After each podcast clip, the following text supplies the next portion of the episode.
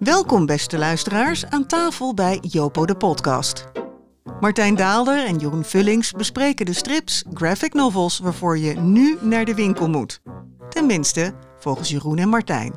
En wat ligt er deze maand bovenop de stapel? We gaan het sowieso over Asterix hebben. Asterix? We gaan, het, nee, we gaan het echt over Asterix hebben. Maar heb je gezien wat er op tafel ligt? Ja, toch gaan we het over Asterix hebben. Heb je gezien wat er op tafel ligt? Ja, ze willen ons helemaal gek maken. Er is te veel, maar we doen het wel. Ja, nou, we weten in elk geval dat uh, uh, de kerstboom een enorm probleem is. Hè, Sinterklaas uh, doen we in Nederland bijna niet meer aan, geloof Nee, ik. dat is Met al jammer. dat gedoe. Maar Sinterklaas, dat is een, de kerstboom is echt een enorm probleem. Daar gaan wij de Jopo, de podcast Kerstboom Special over maken. Iedereen moet even blijven hangen tot het einde van deze dubbeldikke aflevering. Want dan gaan ze vertellen hoe ze zelf de kerstboom uh, kunnen vullen en hoe ze daar een bijdrage aan kunnen leveren. Dat doen we daarna. Maar we moeten aan die stapel beginnen. Het is echt uh, ongelooflijk. Hij is helemaal vol, ook vol met boekverstrippingen. Wat vind jij eigenlijk van boekverstrippingen, Jeroen? Daar heb ik vaak wat moeite mee. Maar uh, als het goed uitpakt, dan pakt het goed uit. Ja, dat is eigenlijk een soort gezegd. Oh, ja. Maar uh, wat ik ermee bedoel eigenlijk, als ik nu, nu, nu ga ik echt nadenken. Wat ik ermee bedoel is dat uh, af en toe lees ik een prachtig boek en dan blijkt het gebaseerd op een boek dat ik niet ken. Uh, het is, wordt vaak moeilijker bij boeken die iedereen kent. Nou, dat, dat okay. is, eigenlijk is die hele boekverstrippingen lost een enorm probleem bij me. Want ik had altijd een soort continentaal schuldgevoel. Dat ik wel een beetje al die Amerikaanse Continentaal schuldgevoel. Ja, dat, dat klinkt die, als een ziekte. Ja, dat voelt ja. ook zo. Dat ik soort al die Anglo-Saxische dingen wel bijhoud. Omdat ik nou helemaal goed Engels uh, spreek. Maar dat ik dan die Franse literatuur. Ja, maar nochtans maar, heb jij een hele dikkerd. Je hebt een Frans. Ja, maar dat is een echte strip. Zullen we daar gewoon mee beginnen? okay, en dat is geen boekverstripping. Dat is eigenlijk sterker nog. Ik denk zelfs dat de eerste. We hebben vooral niet boekverstrippingen bovenop liggen. Hè? Ja. Zullen we daar maar eens mee beginnen? Laten we mee beginnen.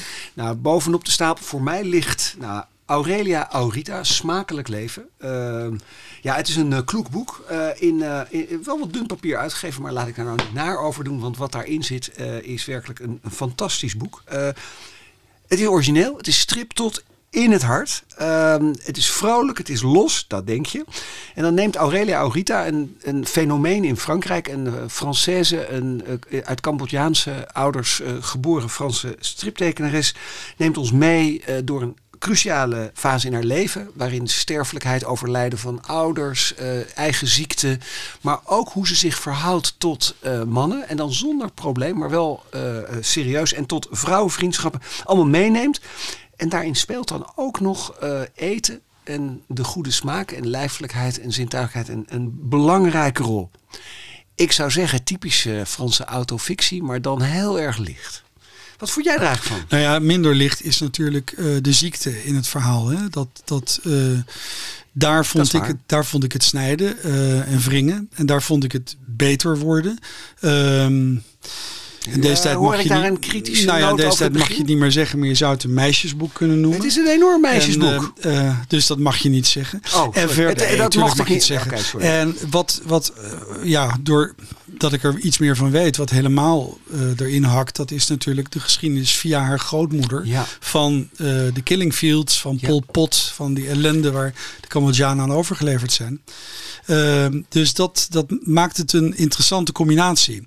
Wat voor mij ook nog spannend was. Want ik heb ook wel wat bezwaar eigenlijk Ja. tegen wat jij in het begin allemaal zei. En ik, ja, die vriendschappen, die dingen leuk. Maar dat is die vriendschap, eh, een artistieke vriendschap met die Benoit eh, Peters. Is nee, Ja. Ja, van Peters en Schuit. hè? Ja. Die eigenlijk bijna als een soort mentor eh, in het boek zich opstelt. Ja, ook hij speelt een rol, hè? de Ja. bekende scenarist. En ik vind Eh, dat leuk, zo'n inkijkje. En, en eerlijk gezegd, ik ben toch wel weer te negatief geloof ik. Ik vond ook dat inkijkje in, dat we allemaal wel weten van films en zo. Hoe zo'n restaurant reilt en zeilt, dat was ook wel heel mooi. Ja, en die gerechten waren en, ook mooi. En alles licht, Ja, hè? ja. Dus de, daar zit een soort... eh, Ik moest de hele tijd denken, terwijl het qua thema's echt niets met elkaar te maken heeft. Maar het is nou eenmaal zo'n zinnetje ondraaglijke lichtheid van het bestaan. Ja. Ehm, wat ik heel, eh, heel mooi in dit boek vond, hè, het is, het is heel losjes getekend. Ze is eigenlijk een stripfiguur in haar eigen verhaal. En daar levert ze op een hele subtiele manier ook commentaar op. Dan op een gegeven moment loopt ze in het boek bij een winkel binnen. En dan eh, herinnert iemand eh, haar aan de zeer expliciete en ontzettend vrolijke erotische autofictie die ze, waarmee ze gedebuteerd heeft. Eh, chocola en aardbeien. Dan mag iedereen zich afvragen wat dat betekent. Hè. Of moet je dat boekje maar kopen natuurlijk. Maar de, er is trouwens ook een tweede deel in Frankrijk verschenen, ook heel mooi. Daar wordt ze, da- daar, die man met blosjes op de wangen. herinneren. Oh, u heeft dat boek geschreven. Ik heb ook een boek. En dan krijgt dat iemand bloos. En dan wordt zij heel boos. Dan zegt ze, ja, hallo, dat is een stripfiguur. Kun je dat verschil helemaal niet maken? Maar die stripfiguur die lijkt wel op haar. Die heet ook Aurelia Aurita. En dan wordt zij een beetje boos. En op dat moment dacht ik van ja, dit is, het is, een, het is een hele kleine passage, maar eigenlijk is hij heel belangrijk. En, en die, dat hele boek zit vol met dat soort Ja, gelaagdheden en elegante zijpaden. Nou, en, en het heeft dus iets ongelooflijk Frans.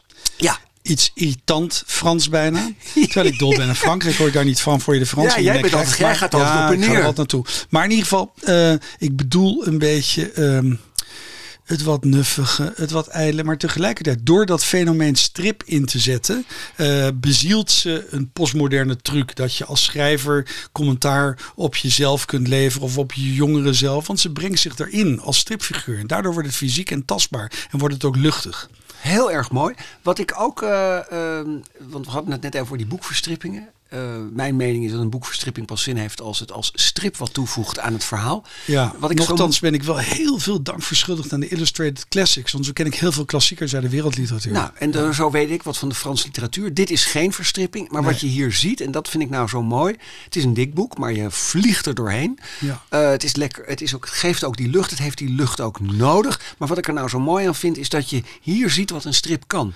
Namelijk je heel snel en bijna achterloos van scène naar scène meeneemt, van setting naar setting. Waar je in een boek of zelfs een film echt helemaal gek van zou worden.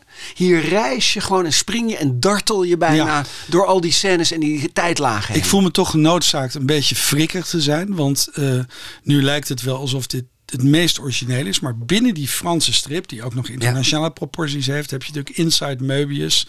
Het grote boek van Möbius die terugkeek op zijn leven toen hij al doodziek was. Waar ook ziekte een rol in speelt. Waar ook zijn eerdere creaties een rol in spelen. Ja, dat is... Oké. Zullen we dan zeggen dat dat, de vijf sterren was? Dat dat de vijf dat sterren was. En dat we hier. en- En dat dit 4,5, 4, Het is 4,5 een zo leuke zit. acht. Oké. Een goede 8? Ja. Nou, dat vind ik. Ja. Dat, dat, was dat dat frikkerige van je? Ja, dat wilde ik. Een 8. Ik denk dat het een hele mooie afsluiting is. Smakelijk leven van Aurelia Aurita. En het werd eh, ja, uitgegeven door Scratch. En het is weer heel anders. Ziet het eruit dan andere Scratch-boeken. Dat vind ik ook echt ontzettend leuk. Een boek Dat is denk je, ik het kenmerk van Scratch. Hè? ja, een, een boek waar je zin van in het leven krijgt. Ja. En dan van in lekker eten. Ja? Poeh, oh, dat is wat minder een bruggetje bij. naar een mijn bruggetje naar boek. zeg. Wat heb jij meegenomen? In je leven. En dan Jij? kom ik met Daedalus ja, van Charles oh, mijn Burns hemel. Ja, ik, heb, ja. heb, je nog zin in het leven? Ik heb altijd zin in het leven. En juist eigenlijk door deze somberte van eh, de boeken van Charles. Dit is het derde deel in de nieuwe reeks van hem. Ja. Eh, het heet Daedalus deel 3. Ook heel toepasselijk. Heel toepasselijk, En ik moest er wel de twee vorige delen een beetje voorbij lezen. En dat heeft met de hem kenmerkende vaagheid te maken. Het gaat over een jongen eh, die eh, het niet makkelijk heeft in het leven. Brian. Je, je zou als amateurarts mm, eh, iemand binnen het autistisch spectrum kunnen noemen. Hij heeft ook de hot. Dat mag je ook niet meer zeggen. Dat mag je allemaal niet meer zeggen. Maar in ieder geval, we doen het toch weer. En hij, heeft, hij is dol op een roodhaarig meisje.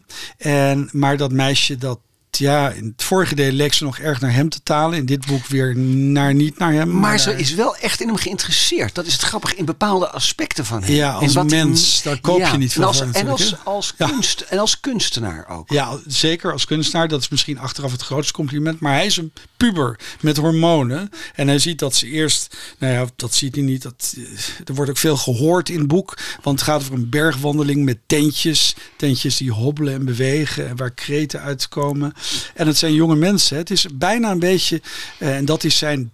Ja, zijn tijdstruc eigenlijk. Dit is een tekenstijl die uit de jaren 50 weggelopen lijkt. Het is gewoon, het is klare eh, meets... eh, En tegelijkertijd ja. lijkt dit een beetje zo'n hippie verhaal van met z'n allen in een oud VW-busje, hippie chicks en zo. Maar niet alleen Maar- heeft het die, die, die jaren 50 esthetiek. Jaren 60 uit, ook uit, eh, Nou, het is, een, het is een hele merkwaardige mix. Hè? Want het is, Charles Burns Take is gewoon eigenlijk het Amerikaanse antwoord op de klare lijn. Ik vond Ja. trouwens de kleuren in dit boek. Die Dat is, echt, dat is echt Ja, Hergé, studio Hergé. Als een blok voor die tekeningen. Het is echt fantastisch hè, Ja. om te zien. Maar goed, we moeten iets over het verhaal kwijt Ja, natuurlijk. Hè? Oh, dus die bergwandeling, hij filmt. Op een gegeven moment zien we de film Brian, hè, de- ongelukkige jongeman. Hij, filmt vooral nogal geobsedeerd dat meisje. En dat meisje, dat vindt een ander meisje leuk. En daarna een jongen leuk. Alles behalve hem op de door hem begeerde wijze. En, eh, en tegelijkertijd heb je in al die boeken altijd een soort, ja, wat zijn het, aliens? Of een soort snijbonen die opengaan, die in de lucht zweven. Altijd, ja. En, eh, En, en ja, het is altijd vervreemding. Ja. Het gaat altijd over ziekte, het is over dus ook hoe je... eigenlijk moeilijk samen te vatten als verhaal. Hè? Nou, het zijn, het zijn, het is, het is dat, het is het, eh, waar het vorige boek, eh, nou, daar heb ik toch een bruggetje gevonden. Waar het vorige boek het, het leven vierde, Ja. eh, heeft dit, dit is alleen maar het ongemak, het, het ongemak van het leven. En en ja, het zijn puberobsessies die blijkbaar voor Charles Burns tot nu toe duren. Angst, geweld, angst voor misvorming. En hij is natuurlijk ooit beroemd geworden met Black Hole. Ja, hè? De- de- dat hij ook in afleveringen publiceerde. Ook in maar als meer afleveringen. als comic eigenlijk. Ja, Ja. Ehm, dat is toen, nou dat is eigenlijk waar hij beroemd mee is geworden. Hij is de meest Franse van de Amerikaanse striptekenaars en de meest Amerikaanse van de Franse tekenaars. En Daedalus is ook origineel in Frankrijk verschenen. Niet meer Ja. in Amerika. Daar is het nu wel in vertaald, maar het is een, Fra- het is En- een Frans boek geworden. Ja, en wij lezen dit nu in een heel mooie editie met een linnen band. Ja. Terwijl oorspronkelijk waren dat natuurlijk niet zulke mooie boeken die hij maakte. Er zat altijd Het was com- aan. comic-achtig Ja. en pulpachtig, maar het, het Ik heeft... ben wel blij met deze editie. ja, hij heeft- eh, ja, hij staat ook heel kloek naast eh, de vorige delen. Ja, En dat is ook heel mooi. en hij verdient het. Zo'n mooie editie. Ja, dat is, ik dacht altijd Black Hole is je chef d'oeuvre. Hier Ja. weet ik het nog niet van, maar het gaat wel de goede maar kant Black op. Hole, ik weet het even niet meer goed, want je hebt ook daarna een verzameleditie gekregen. Maar volgens mij had je, bestond het uit twaalf, Twaalf delen, twaalf delen, ja. En dit is pas het derde deel. Maar ik wil die andere delen nu wel weer lezen. En ik Ja. ben ook blij dat het niet... Je zou wel een beetje kritisch kunnen zijn, denken. Charles Burns, waarom wacht je niet gewoon en geef je ons het hele verhaal? Dat Ja. zou je kunnen zeggen. 400 pagina's in één keer. Ja, Wat doe je die man aan? Voor de kerst. Ja. Maar ehm, ja, in ieder geval, we moeten misschien toch een beetje door naar de andere boeken. Want Nou, ik kan nou, hier heel nou, lang nou. over blijven. Maar wat ziet het er schitterend uit, hè? Alleen al die beelden. Ja. Dit moet je echt in je hand houden en moet je bekijken. hand houden. Je ziet dat ik het weer bevinger. Ja. Het is eh, uitgegeven bij Concerto Books. Het eh, boek heet Daedalus. Of Daedalus moet je dat op zijn oud-Grieks eigenlijk zeggen. Da-E-D-A. Ik ga nog spellen. D-A-E-D-A-L-U-S. Eh, en dat heeft natuurlijk ook een mythische connotatie waar we niet verder op ingaan. En ja, lees het. Kopen, kijken. Ehm Daedalus gehad. Nou, we hebben weer geen bruggetje. Of misschien wel een bruggetje. Of misschien is het niet erg. Ik heb het meegenomen, maar we hebben het allebei gelezen als de Fado weer klinkt. Dit is trouwens een van die, nou ik geloof 4700 boeken die Lauwert in één keer op de markt knalt eh, dit, eh, dit najaar. Van de Frans tekenaar Barrault als de Fado weer klinkt. Maar deze ligt niet voor niks nu even bovenop de stapel. Tenminste voor mij. Wat vond jij er eigenlijk van? Ga ik daarna vertellen waar het over gaat? Eh, ik vond de tekenstijl prettig. Laat ik het daar eh, allereerst over beginnen. Want zonder tekenstijl dan, kun je, eh, dan kan het een prachtig vehikel zijn voor interessante thematiek of een mooie verhaalgegevens. Maar dat is voor mij toch wel heel belangrijk. Dus dat is het. En ik vond ook de situering in de tijd interessant. Het speelt eigenlijk in Portugal nog zo'n nou, wat is het? Zo'n vijf 68, jaar voordat, ja, eigenlijk voordat het echt, de eh, Anje knalt. revolutie komt. In 73 was dat, meen Ja. Dit speelt in 68. Het grijpt ook terug naar eerdere tijden. Het speelt dus echt eh, in het hart van een samenleving die, van, waar we weinig van weten eigenlijk in Nederland. Wij wisten wel wat van Franco en hoe dat daar was. Maar we wisten minder van dat ultra-katholieke, die dictatuur van Salazar in eh, Portugal.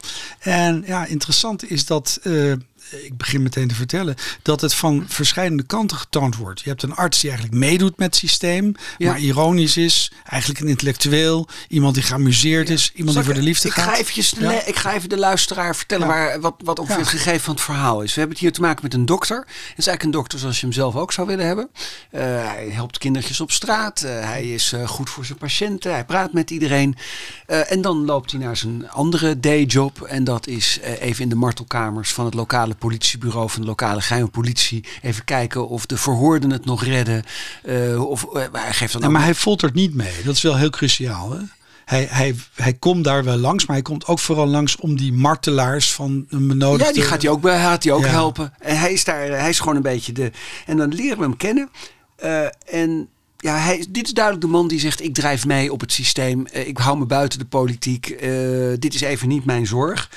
En dan langzaam pelt die ui af. Hij raakt verza- Uiteraard, de liefde speelt een grote rol. Er is een fatale verhouding in het verleden. Maar, maar op een hele kalme, rustige manier pellen we dan steeds af hoe iedereen in, dat, in zo'n verstikkend systeem zijn keuzes heeft gemaakt. En voor welke dilemma's die zich gesteld heeft gestaan. Ja, en dat, dat mysterie is eigenlijk, eh, arts, eet van Hippocrates, je hebt voldoende werk eigenlijk als arts. Waarom ga je dan toch iedere dag naar dat politie, of het eigen geheime politiebureau? Ook al ben je geen folteraar, heb je mededogen met iedereen eh, en behandel je daar mensen. En dat wordt pas aan het eind duidelijk. Hè? En Ja. Dat is heel knap gedaan. Zonder dat het nou een, een, een thriller-thriller is. Want de Lauwaard, eh, ik zeg nou maar, die, die uitgeverij die specialiseert wel erg. eh, die heeft echt een lijn in polar. Dus eh, met Ja, ontknopingen. ook wel tamelijk activistisch. Ja. Wat link, aan de linkerkant van het spectrum. En dit boek is een. eh, de tekenaar is trouwens. Ik bleek hem te kennen toen ik zijn, zijn, zijn CV zat. Want hij heeft dus die Nestor Burma, Burma boeken gemaakt na Tardy. die verstrippingen. Toen was hij me niet echt opgevallen. Vond ik het een soort fake Tardy. En nu. Eh, brengt hij ons toch echt heel succesvol naar die wereld. Waar hij ons heel kalm en eh, in rondleidt. En waar je ook van ziet van daar valt te leven. Maar je moet wel je ogen af en toe sluiten. En dan je maar niet al te druk maken. Ja, op een andere manier wordt die ehm, blindheid en die maskerade ook wel verbeeld door verwijzingen naar Pessoa. Eh, Allerlei eh, heteroniemen, dat is een mooi Pessoa-woord voor, voor pseudoniemen eigenlijk. Maar het is meer dan een pseudoniem. Een heteroniem is ook iemand die echt leeft en die een eigen biografie heeft. Dat komt ook in het boek voor. Er is zelfs een soort, ja, een undercover agent die ook nog een soort Pessoa-karakter is, die uiteindelijk deze arts arresteert. Ja. We moeten misschien ook niet te veel weggeven in Nee, het verhaal. laten we- dit, is Ja. een, dit is echt een aanrader. Ja. Eh, een onverwacht boek. Eh, en een, ehm, nou, met een beetje hoop een, eh, een, een boek dat een, een, mooie, een, een, mooi publiek heeft. Echt een mooi, een mooi boek. Ja, ik hoop Ja. ook meer te zien van deze beschrijver-tekenaar. Ja, Baral was het. Ja. Zullen we eens eventjes mooi afkondigen? Ehm, het is het boek Als de Fado weer klinkt. Het is Mhm. gemaakt door Nicolas Baral. Zijn, de, zijn kleurenassistent is Marie Baral. Zou dat een vrouw of zijn dochter zijn? Het doet er ook niet toe. Het is uitgegeven door Lauwert en het is een prachtig boek. Ja, hebben we nog veel meer op tafel. Moeten we wel een beetje op Gaan we even wat korter doorheen. Ja, oké? we gaan Dat is- korter heen. dat Dat is- is voor mij niet zo moeilijk met deze. Ik weet dat ik je hart breek. Maar Nou, valt wel mee hoor. Dat is, we hebben, laten we eens beginnen met de boekverfilmingen van eh, de boekverfilmingen, maar hoor, de boekverstrippingen van vandaag. We hebben er meteen twee. Ehm, we hebben Blauwbaard en we hebben Klei. En eh, dat zijn, ik pak ze even samen. Ehm, Klei is een streekroman van na de Eerste Wereldoorlog, van de eerste die zich in de Cantal afspeelt. Hartje Frankrijk, rouwboeren bestaan. Het is bijna een dorpsgek van schoon vergeten, maar dan in de oorlog en met eh, hè, en dan eh, en dan is daar natuurlijk liefde en eh, zwaar boeren bestaan en alle.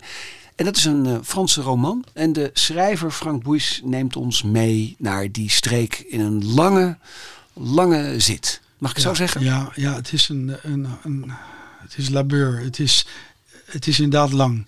En ook wel zwaar. En eh, ik miste toch wel. Nou, eh, er is genoeg plot, want de plot wordt door het leven gedicteerd. Maar ik miste wel een soort mm, ja, drift om door te lezen. Ook wel doordat het wat mij betreft vaak overbekende elementen zijn. En ja, Ja. ja toch eh, ik- weinig wat- hoopgevends in is. Ja. Wat, ik er, wat ik er mooi aan vond, maar dat is misschien iets waar ik gevoeliger voor ben dan jij. Het neemt je wel mee naar die plaats. Waar zoals eh, als de Fado weer klinkt, je meeneemt naar dat eh, Portugal van 68. Ja, met, Vind- die, met het verschil dat dit wel erg bekend is op een bepaalde manier. Ja, ja. ja. nou, ik, ik ben positiever dan jij. Ik herken het harde werken wat je moet doen in dit boek. Het is ook een lang boek. Ja.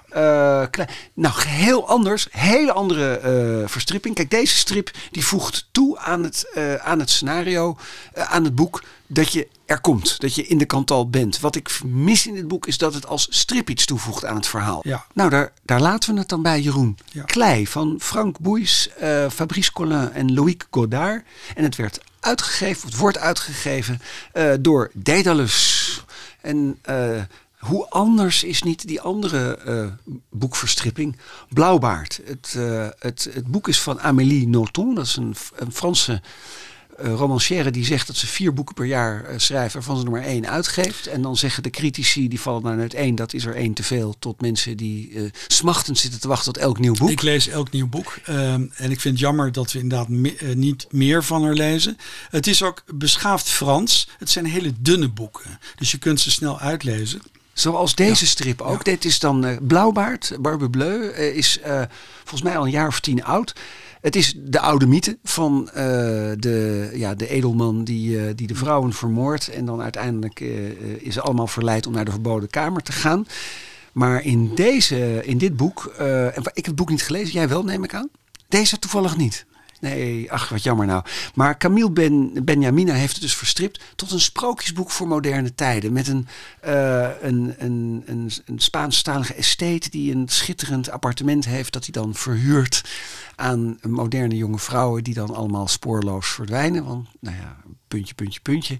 Maar dan komt uh, de, de hoofdpersoon in Blauwbaard, die doet het even anders. Die komt daar naartoe en die zegt van ja, het is wel een seriemoordenaar, maar dit kan ik hebben. En die zet het verhaal geheel naar eigen hand. En dat doet hij in kinderboekachtige illustraties. Neemt je mee naar een volkomen fictief en sprookjesachtig Frankrijk. Het is ook gewoon een, eh, een jonge vrouwenboek waarin die jonge vrouw... Kijk, hoe ben je wel gek dat je dat doet met die man? En dat, dat maakt allemaal niks. En zij, uh, zij neemt de edelman mee naar een zeer onverwachte ontknoping. Maar het is ook een ontzettend feestelijk boek. En dit voegt echt wat toe als strip. Want het decor en de setting die deze, deze illustraties uh, voor jou, uh, die, die het meenemen. Ja, dit vind ik dus echt een boekverstripping die iets toevoegt aan het boek. Ja, ik kan het helaas, want dit is inderdaad een noton die ik gemist heb. Het klinkt niet als een typisch noton. En dat maakt het voor mij ook nog extra interessant. Dus als jij dit niet gezegd had, dat het van, of als er niet bij stond dat het van noton was, had ik het ook niet geraden. Nou, ja. Um, Amélie Nothomb, Blauwbaard. Uh, aangepast en getekend door Camille uh, Benjamina. Een, uh, ja, is gewoon ook een heel feestelijk boek. Maar we schuiven het nu wel terzijde, want er is nog zoveel meer. Oh ja, het is trouwens uitgegeven door Standaard Uitgeverij. Dat was ik nog even vergeten. Oh, daar komt een boek waar we tenminste snel doorheen konden komen. Hè? dat is, we hebben hier een boek zonder tekst. Althans, er is wel een tekst in de titel. Het heet uh, 20 ans en mei. En dan geef ik even uh, 1871. 20 jaar. 20 jaar in mei 1871. Het is van Tardy. En het is bij een kleine uitgever verschenen. Les Éditions Martin de Hallo. En het is um, een soort opdracht die aan tekenaars wordt gegeven. Ja, prachtige opdracht, echt. Opdracht Heel erg leuk. Eigenlijk je verhaal te vertellen in 25 plaatjes. En dat is in navolging van een uh, boek dat in 1918 door Frans Massereel gemaakt is. Ja. Voor zijn Het boek, verhaal zonder woorden. plaatjes. Ja. Ja. en het is een fantastisch gelukt. Ik ben op Tardy afgekomen. dit, dit is nu gelukkig ook in Nederland te krijgen, maar het lag hoog opgetast bij de FNACs deze wereld. En het speelt eigenlijk naar en daarna eigenlijk op Père Lachaise. Het beroemde kerkhof waar je niet alleen maar Jim Morrison hebt liggen. En de hoofdpersoon, daar kom je achter, dat is de, de eerste president van de Derde Republiek. Dat is uh, Adolphe Thiers. En dat was een man die uh, een enorm mausoleum heeft op, het, op Père Lachaise. Ik ben er toevallig nog geweest, ongeveer een maand geleden. Ik heb dat, dat gezien. was ook een massamoordenaar. Ja, het was een massamoordenaar. Hij heeft eigenlijk zijn de meeste doden tijdens de opstand, hè, die de commune genoemd wordt. Dus we hebben het allemaal. 1871. Ja, ja, die zijn gevallen door executies. Hij heeft gewoon die mensen allemaal laten vermoorden. En dan heb ik het ook over vrouwen en kinderen. Tienduizenden. Uh, ja. En uh, deze man, dat is ook het lijkt wel bijna luidmotieven, typisch Frans. Ja, die krijgt dan wel nog een groot mausoleum, die krijgt alle eer. Maar hij ontkomt niet aan de verbeelding van Tardy. Want hij op zijn oude dag gaat hij een beetje schielijk naar Père Lachaise toe. En al snel krijgt hij bezoek, ik ga het toch gewoon samenvatten, van ja, zo'n typisch uh, Tardy personage dat je uit de Isabelle Avondrood reeks kent. Een wat guitig ogende doodsengel die er als een vrouw uitziet met een raaf en die met een zandloper jong leert. En we weten dat zijn einde nabij is. En dat einde is ook naar met die raven en zo. Het is een prachtig boekje. Het is een klein boekje. Weet je. Maar het maar, is wel weer Tardy op zijn beste. Iemand die dit kan. Om zonder tekst zo'n verhaal te vertellen. Weet je wat ik zo knap vond aan deze tekeningen? Uh, want Tardy is duidelijk ouder aan het worden. Hè? De, de, de detaillering begint te ontbreken. De, de lijn begint een beetje te trillen. En als je ook die, maar als je, die, als je die bibliografie van hem leest aan het eind, die heeft gewoon twee pagina's. Dat is onvoorstelbaar hoeveel dat is. Maar dat is allemaal zo. Maar dan kijk je naar die zwart-wit tekeningen. Dat die portretten eigenlijk van Père Lachaise en, en Parijs. Is altijd, het is toch weer een liefdesverklaring aan Parijs de balans in die tekeningen. Precies weten waar je moet detailleren, waar je het zwart moet maken, waar je met twee vegen even de schoorstenen kunt laten roken. Het is echt, uh, het is wat dat betreft echt ook een, een prachtige ode aan Frans Mazereel, die dit genre eigenlijk ooit ja. uh, heeft uitgevonden. En het is uh, allemaal heel mooi zwart-witte. Daar ben ik toch ja, altijd erg prachtig. nou, noem hem nog eventjes. Ja, ik doe het even gewoon in vertaling. Ja, doe dat. 20 jaar in mei 1871 door Tardy bij Les Éditions Martin de Hallo. Het, ja. het, is een, het is een kleine, hallo zeg ik, hallo. Het is een kleine uitgever. Ja, dit is een oproep aan alle winkels dus om dit, om dit snel te kopen, ja. snel te bestellen, zodat ze dat nog ook door mensen onder de kerstboom kunnen laten van. Oh, de stapel begint te slinken. Hier ligt de volgende. Alfred, een tekenaar uit Frankrijk. En die heeft een boek gemaakt, Senzo. Ja, ik was er heel blij mee. Het is uh, um, een reis naar een zonovergoten Zuid-Italië, zou ik zo maar zeggen. Het is eigenlijk, ik vind het een beetje de evenknie van een zo'n fijne arthouse film waar je onverwacht in terecht komt en die je meeneemt naar een plek en die heel vrolijk is en tegelijkertijd iets van serieuze thema's aanraakt. En mooie karakterisering waar je vooral ook een heel met een waar je aangenaam in zit. Is dat, uh, had jij dat ook een beetje? Nou, dat komt eigenlijk door wat je zegt. Dat is denk ik een, inderdaad de typering. Het is onthechting op een prettige plek. En uh, dat zit, het is een soort kweesten, maar we weten helemaal niet waar naartoe. Nee, hè, want uh, het einde. Ja. Nou, het gaat over twee mensen. Ze zijn van zekere leeftijd. Ze, komen, ze zijn allebei op een huwelijk waar ze niet thuis horen en waar ze om verschillende redenen ook niks te zoeken hebben. Ze zijn allebei gasten, hè, dat, het niet, dat je niet denkt dat. Um, en dan komen ze elkaar in de tuin tegen. Dan denk je, oh jee, oude mensen gaan natuurlijk met elkaar zoenen. Dat soort boeken, dat is natuurlijk allemaal heel fijn. Maar eigenlijk is het een prachtige verkenning van uh, iemand die nog avontuurlijk in het leven staat. Maar nog niet weet hoeveel avontuur er nog in het verschiet ligt. En een man die eigenlijk dat avontuur voortdurend uh, uit de weg is gegaan. Achter grote woorden heeft geschuild. En ze dansen om elkaar heen. Uh, ze, ze weten dat er bagage is. Maar realiseren zich ook dat als ze nog als er nog een volgend hoofdstuk kan komen, het boek geeft daar geen antwoord op, dan moeten ze die bagage in elk ook achter zich laten. Ja, het geeft inderdaad uh, ook alternatieven van levensweer in de boeken. De, uh, het gaat inderdaad over een man die steeds meer eigendommen kwijtraakt. Zijn schoenen, ja. alles, ah, zijn bagage. Ja, hij, gaat naar een soort hij hotel Californië. Hij gaat naar een soort hotel Californië toe, maar het is in Italië. Hij lijkt daar niet weg te komen. Hij komt daar een oude jeugdvriend tegen die aan zijn derde huwelijk begint. Zo'n leven wil hij niet. Hij spreekt ook met een conciërge die het ook moeilijk heeft, die niet meer in Zo'n leven wil hij ook niet. Zo'n leven wil hij ook niet. Uh, en uh, het is een volkomen onverwacht boek. En dat vond ik leuk eraan. Ja, dus uh, ja. Ja, het is leuk. Hij heeft trouwens, dit is het derde deel. Onverwacht in de zin van verrassende overgangen, verrassende verhaalsituaties. Ja. Toch een aanrader, Alfred Senzo. Uh, het leuke is, uh, hij heeft nog twee boeken in dezelfde setting en stijl gemaakt. Die kennen we nog niet in Nederland. Wellicht komen die. Het wordt een beetje gezien als zijn uh, Italiaanse trilogie. ik kende hem, ik had nog nooit van hem gehoord. Ik maar ja, niet. Ehm, Alfred Senzo, uitgegeven door Lauwert. Een, eh, een zonnestraaltje in een hele regenachtige winter. En waar het ook altijd heel veel regent. Ik heb een bruggetje. Dus een bruggetje. Dat is natuurlijk in de peel. Ja. Ja. Ehm, Ja. nou, Red Dust in the Pale. Red Eh, Dust, nee, zo heet het helemaal niet. Zeg Nee, nou even hoe het heet. Het boek heet Dutch, een cowboy in de peel. Hè? En Het heet eh, echt zo. Het heet echt zo. Dutch. Op zich Dutch een goede naam. En het is, eh, het is van de hand van Ger Apeldoorn en Anko Dijkman. En voor de mensen die nog twijfelen, dat zijn oer-Hollandse namen. en Ger Hollandse Apeldoorn, bekende scenarist. Ja.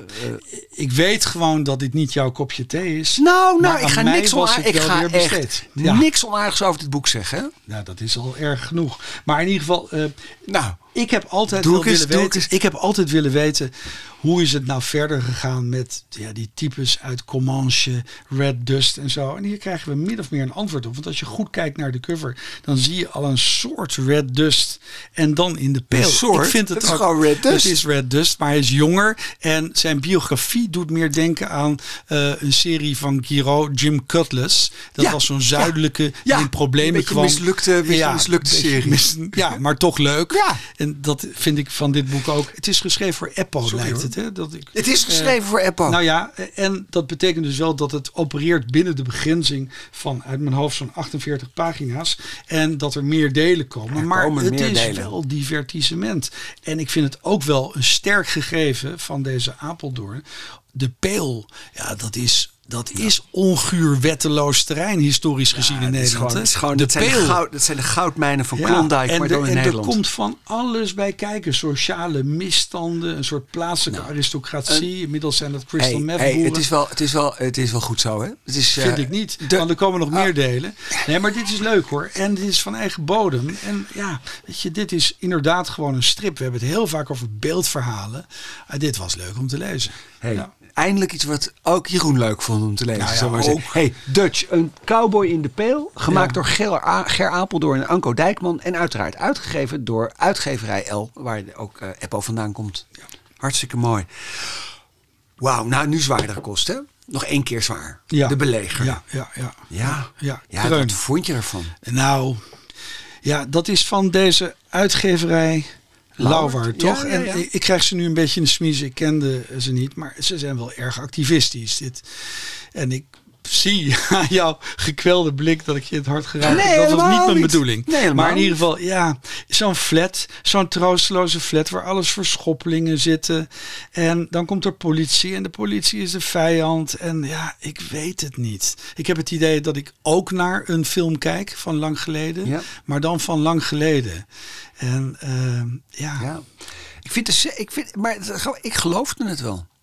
Ik was daar wel, ik vond het wel goed. Ik vond ook de. Jij vond het niet cliché dat daar dan een kunstenaar zit die in de gevangenis gezeten heeft, dat te maken heeft met een eerder Ja, voorval ja, waar die niet helemaal ja, schuldig aan was. Die maakt daar kunst, er is een pistool. Ja, dat is, als je het nou zo zegt, dan ga ik het dan bijna met je eens zijn, maar dat is gewoon niet de bedoeling. Eh, het, het- wat ik er goed aan vond was ehm, dat, eh, dat, dat, dat het, wat er gebeurt hier is dat de buitenwereld op die flat afkomt. Maar in die flat is het echt, dat is de jungle, daar is het echt heel onaangenaam. En op het moment dat die druk van buiten komt, dan krijg je dat mechanisme van eh, blijf met je vuile rotpoten van onze vuile rotflat af. Ja. En eh, onder die druk wordt werkelijk alles vloeibaar en buitengewoon explosief. En de manier waarop dat ging, waarop dat ook karakterologisch wordt eh, eh, uitgediept, waardoor het niet alleen maar een soort cliché plotmechanisme is, maar echt door karakters wordt voortgedreven. En niet alleen maar door de setting en het, en het noir trucje. Want zo kan je het ook lezen. Dat vond ik dus juist heel overtuigend hier. En vond ik het juist heel erg aan, de, ehm, eh, ja, aan die clichés ontsnappen. Terwijl ik begrijp dat dat zo is. Maar ik vond ook de plotwendingen uiteindelijk ehm, eh, niet clichématig tragisch of eh, fataal. Of, eh, ik, ik vond het voortkomen uit de karakter. Ik vond het eigenlijk gewoon een door karakters, door karakterschetsen voortgedreven verhaal. Dus mij stoorde, ja, nu je het zo zegt, ja, dat is wel een beetje clichématig en sociaal realisme en al die dingen. Het is daarin ook heel Italiaans. Hè? Als ik het, Het is misschien wat minder, minder offensief zeg, dan is het voor mij heel erg Bertolucci. En dan heeft dit boek als voordeel boven Novecento dat je na zo'n hele lange zitten, nachtlang, naar eh, Novecento kijkend. Ja, mijn, ik was toen fel tegen het volk na die urenlange marteling dat ik dan zo lang moest Maar die film duurde ook te lang. Die film hè? duurt te lang en dit boek is behapbaarder. Ja, ik vind het. Nou, zullen we hem hierbij afsluiten? Het is van Stefano Nardella en Vincenzo Bizzarri. Het heet De Belegerden en het is inderdaad uitgegeven door Lauwert. Ja. Nou, Nou kan jij losgaan, hè? Nee, helemaal niet. Ja, dit heb jij, meegenomen. maar de hele tijd dat ik los. Jij hebt dit meegenomen. Ik heb het, eh, beste luisteraar, eh, nu pakt Jeroen Vullings 77 jaar Kuifje een special. Eh, ik heb het niet eens ingezien, want ik dacht Kuifje dat bestaat niet meer. Het, eh, de stripfiguur is al heel lang dood. Het blad is minstens zo lang dood, eh, of althans niet meer leuk. Dat is jeugdsentiment. En dan bestaat er ineens 77 jaar Kuifje. Nou, daar is een marketeer losgegaan. Nou, Jeroen, zeg maar waarom het toch leuk is. Waarom het leuk is, is eigenlijk omdat eh, we hebben het altijd over Kuifje. Dus Kuifje, de strip Kuifje, de iconische Kuifje. Ehm, ik vond eigenlijk, als ik het heb over stripbladen, dan vond ik de top, dat was Pep. En misschien daarna Sjors en daarna pas Kuifje. Het was niet zo dat ik nou zo'n Kuifje-fan was. Tegelijkertijd heb je ontzettend veel. Dat behoort tot onze eh, historie, onze culturele historie. We hebben ontzettend veel strips toch gelezen in het Te blad danken Kuifje. aan het Te blad danken aan Kuifje. En dat had vaak te maken met een goede combinatie van scenaristen en tekenaars. Greg. Eh, ja, en als ik meteen maar de kers op de taart eh, tover, dit, eh, of laat zien bedoel ik eigenlijk. Dit is Niemand strip- kan dat dit- zien. dit jij, bent- jij bladert er Ja, helemaal onzichtbaar voor de, de, weer luisteraar ja. Maar dit is een hommagealbum. Het is honderden pagina's dik. Er komen heel veel strips in dit boek voor die iedereen wel kent, kent als ontzettend veel wat mij betreft te veel Rick Ringers, maar ook bijvoorbeeld eh, Dommel. Bob Moran, de Dommel, Micha Vaillant. Maar waar het mij om gaat, Oh. eh, je ziet dus dat eh, je strips hebt die dan verbeeld worden door nieuwe tekenaars en nieuwe scenaristen. Want is, dat is de hommage. Dus die verhalen worden voortgezet. Je leest bijvoorbeeld nu ook een verhaal over de strip Alex. Je weet wel Alex met Enak. Dat zat altijd Je een begint beetje... helemaal langzaam te praten. Ja, nee, maar ik, ik leg er een zekere gloed in.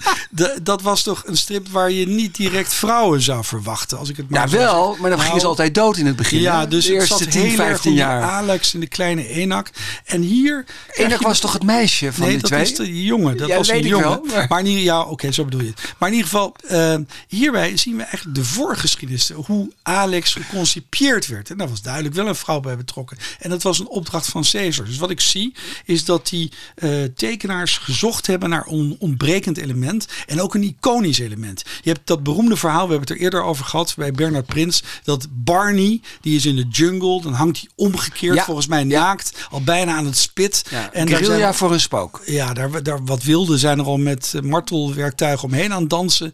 En Bernard Prins denkt, ik kan nu weglopen en hij doet het niet. Dat glorieuze moment dat hij denkt, Barney, ik kom eraan. Nou, dit komt wel tienmaal voor in deze hommages. En wat voor mij echt ja, een, Ja, het kerstgeschenk was. Dus wacht even, hier hebben hoeveel- ik die moet- hebben al die tekenaars- Ik moet, ik sta hier als Luther. Oké. Ja, wat, eh, wat het kerstgeschenk was. Kijk, je hebt natuurlijk ook nog, we hebben het al eerder gehad over Comanche. En eh, dan is er toch een vervolg op Comanche gekomen in een van deze hommages. En door wie is dat gemaakt? Door Herman met zijn zoon. Nou, dat is eigenlijk, je krijgt er gewoon een Red Dust verhaal bij. En dan ook weer een leuk Red Dust verhaal. We kennen dat ook weer dat iconische beeld dat hij daar komt met een zadel en hij biedt zijn werk als cowboy aan hè, bij Comanche. Maar daarvoor heeft hij toch nog even een ellendeling afgemaakt in een bos. Ja, Ja, ik zeg even, paard verloren. ik ga dus eh, een heleboel tekenaars brengen een hommage Ja. aan wat Kuifje ooit was. Ja. En dat eh, moet iedereen lezen. Ik ga het nu ook lezen, want een nieuw verhaal van Red Dust, eh, zelfs Dat als het is gemaakt goed. is door de zoon van Herman, die, Ja. ik, die ik niet vind deugen. Die zoon dan, hè, Herman Nee, eigenlijk ook niet meer. Maar, goed, Nou, ja. toch ga ik dat lezen. Ik ga het ook doen. En al was het alleen, want ik zie het aan je, omdat dit boek jou ook terugbrengt bij het plezier Ja, wat jij het, hebt het gehad. is je reinste die- levitatie. Het is doodeng voor luisteraars. Het is een tijdmachine. Maar ehm, eh, er komt ook nog een element in voor. Er is wel heel veel boek. Hè, de tekenaar boek. Daar ben je niet zo dol op, weet ik. Maar Nou. dan is daar een running gag. eh, die, eh, die, ik dacht, dat, dacht ik begrepen te hebben. Ik ben enorm dol op een Nou, boek, maar dan- ik, vind niet het alle, voor- ik vind niet alle strips van boek Hij kan dus wel alles. En die laat voortdurend in allerlei scènes laat hij een verzekeringsagent optreden. Ja, Die- uiteraard. Die, scènes komt verstoren. Ook bijvoorbeeld die scène in de jungle met eh, Ja. Bernard Prins en We gaan hem afsluiten. Ja, we gaan Want de verzekeringsagent van Boek die komt ook voor uit de, in de verhalen uit de jungle van het Alledaagse. Die Kasterman boeken. Dat vond ik heel goed van Boek. Ja. Ook in Kuifje Special 77 jaar. Voor door heel veel tekenaars. Ja, we gaan ze niet allemaal Eh, noemen. nee, nee, we gaan er niet één noemen. Want het is gewoon uitgegeven door Le Lombard. En als iemand nog meer wil weten. Dan gaat hij maar naar de stripwinkel om te kijken wat er is. En dan gaan we het nu eindelijk hebben over... Ja, we hebben een belofte gedaan, hè, Asterix. Nou, hoe was het? Hoe vond je hem? Het was fantastisch. En ik had het niet verwacht, want ik heb eh, die, die, die ja, weet je, die laatste albums van Asterix, die heb ik als een soort moedje gelezen. En, eh, en dit was weer leuk om te lezen. Het heet De Witte Iris. De nieuwe scenarist. eh, wat ik altijd leuk vind in de laatste edities is de tekenaar. Want DJ Conrad is gewoon een fantastische tekenaar. Als ik heel eerlijk ben. Een stuk beter dan Albert Uderzo in zijn laatste 24 albums. ja, Eh, dat is de- oh ja, je bedoelt buiten Asterix om. Nou, zo eigenlijk alles wat hij heeft. Nou, ik vind hem nou, gewoon een nou, betere tekenaar dan Uderzo. Eh, Albert Uderzo heeft gewoon ontzettend mazzel gehad dat hij tegen Goscinny is aangelopen. Dat vind ik dan persoonlijk, maar dat is mijn mening. Maar niettemin, Asterix en ik vond het fantastisch. Ik vond een nieuw boek van uh, Didier Conrad vind ik op zich al een, een- en dat het dan ook nog een Asterix is. En het is een leuke Asterix. Het, het is weer echt een klassieker. Hè? Hoe, deze keer gaat het dan over hoe je modieuze management prietpraten kan vermommen als filosofie en dan eh, de hele wereld tot Ja, stilstand kan het brengen. is altijd een soort satire. hè? Dus hier zit de kracht van het positieve denken in. Ja, ja. Eh, hier zit eh, mindfulness in. Enorm. En eigenlijk laat hij zien, dus de scenarist hier, hoe je een hele samenleving passief maakt en krachteloos maakt door aan de ene kant iedereen te lijmen, aan de andere iedereen, iedereen krachteloos en tandenloos te maken door positieve praatjes. Terwijl mensen soms in hun vaste rollen en hun identiteit vastzitten door nurks te zijn en naar door een Bart voortdurend Dus, vast te dus binden. zoals ze Olix en Co. ooit konden geven in de economieles, kunnen ze dit boek bij maatschappijleer Ja. gebruiken. Het is een mooie vergelijking, Ja. want die twee albums horen wel op een bepaalde manier bij elkaar. Hartstikke mooi. Die hier hoor, nou, dat is ontzettend leuk hoe een serie echt een, een nieuw leven krijgt met zo'n tekenaar. Nou ja, het Ik zijn vind- eigenlijk het zijn de grote series, hè, doordat ze zo lang zijn doorgegaan. Dus Lucky Luke Ja, en nu Asterix. Het is ook een echte serie. Het is ook een echt boek. Eh, het is handwerk. Het is een ambacht. Dit is niet eventjes, eh, dit is niet eventjes eh, even binnenlopen. Hoewel ze er wel op binnenlopen. Ik heb 180. Nee, we zijn niet de enige die het Dit gekocht is hebben dus een strip maand, die gelezen Ja. wordt door niet-striplezers. Overal liggen ze. Ja. In zaken waar je geen strips verwacht. Oké, genoeg over Asterix. We hebben nog heel veel boeken doorgeschoven naar de volgende keer. Want het is echt een waanzinnige novembermaand. Ja. Maar we gaan hier niet weg voordat we eindelijk onze nog niet traditionele, maar binnenkort traditionele kerstboomeditie van Jopo de podcast aankondigen. kerstactie. De kerstactie. Want wij praten maar door en wij denken dat, eh, wat, dat wij weten wat goed voor iedereen is. Maar dat weten de lieve luisteraars misschien ook wel. Wij vragen iedereen om ons te laten weten per voicebericht welk boek je voor wie en waarom onder de kerstboom zou willen leggen.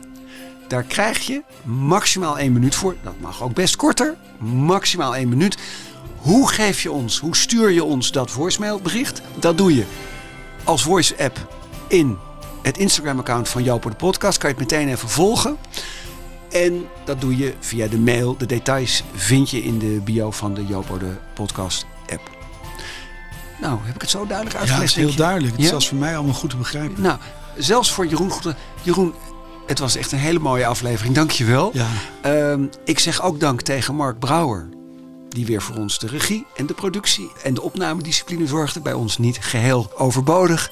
En ik zeg ook heel veel dank aan Mark en Mike van Jopo de Poyo. Die weer onze gasthieren waren. En bovendien bijhouden waar wij het allemaal over hebben gehad. En wij zien elkaar weer in december voor de kerstspecial. Enorme zin in. Dankjewel. Tot de volgende keer Jeroen.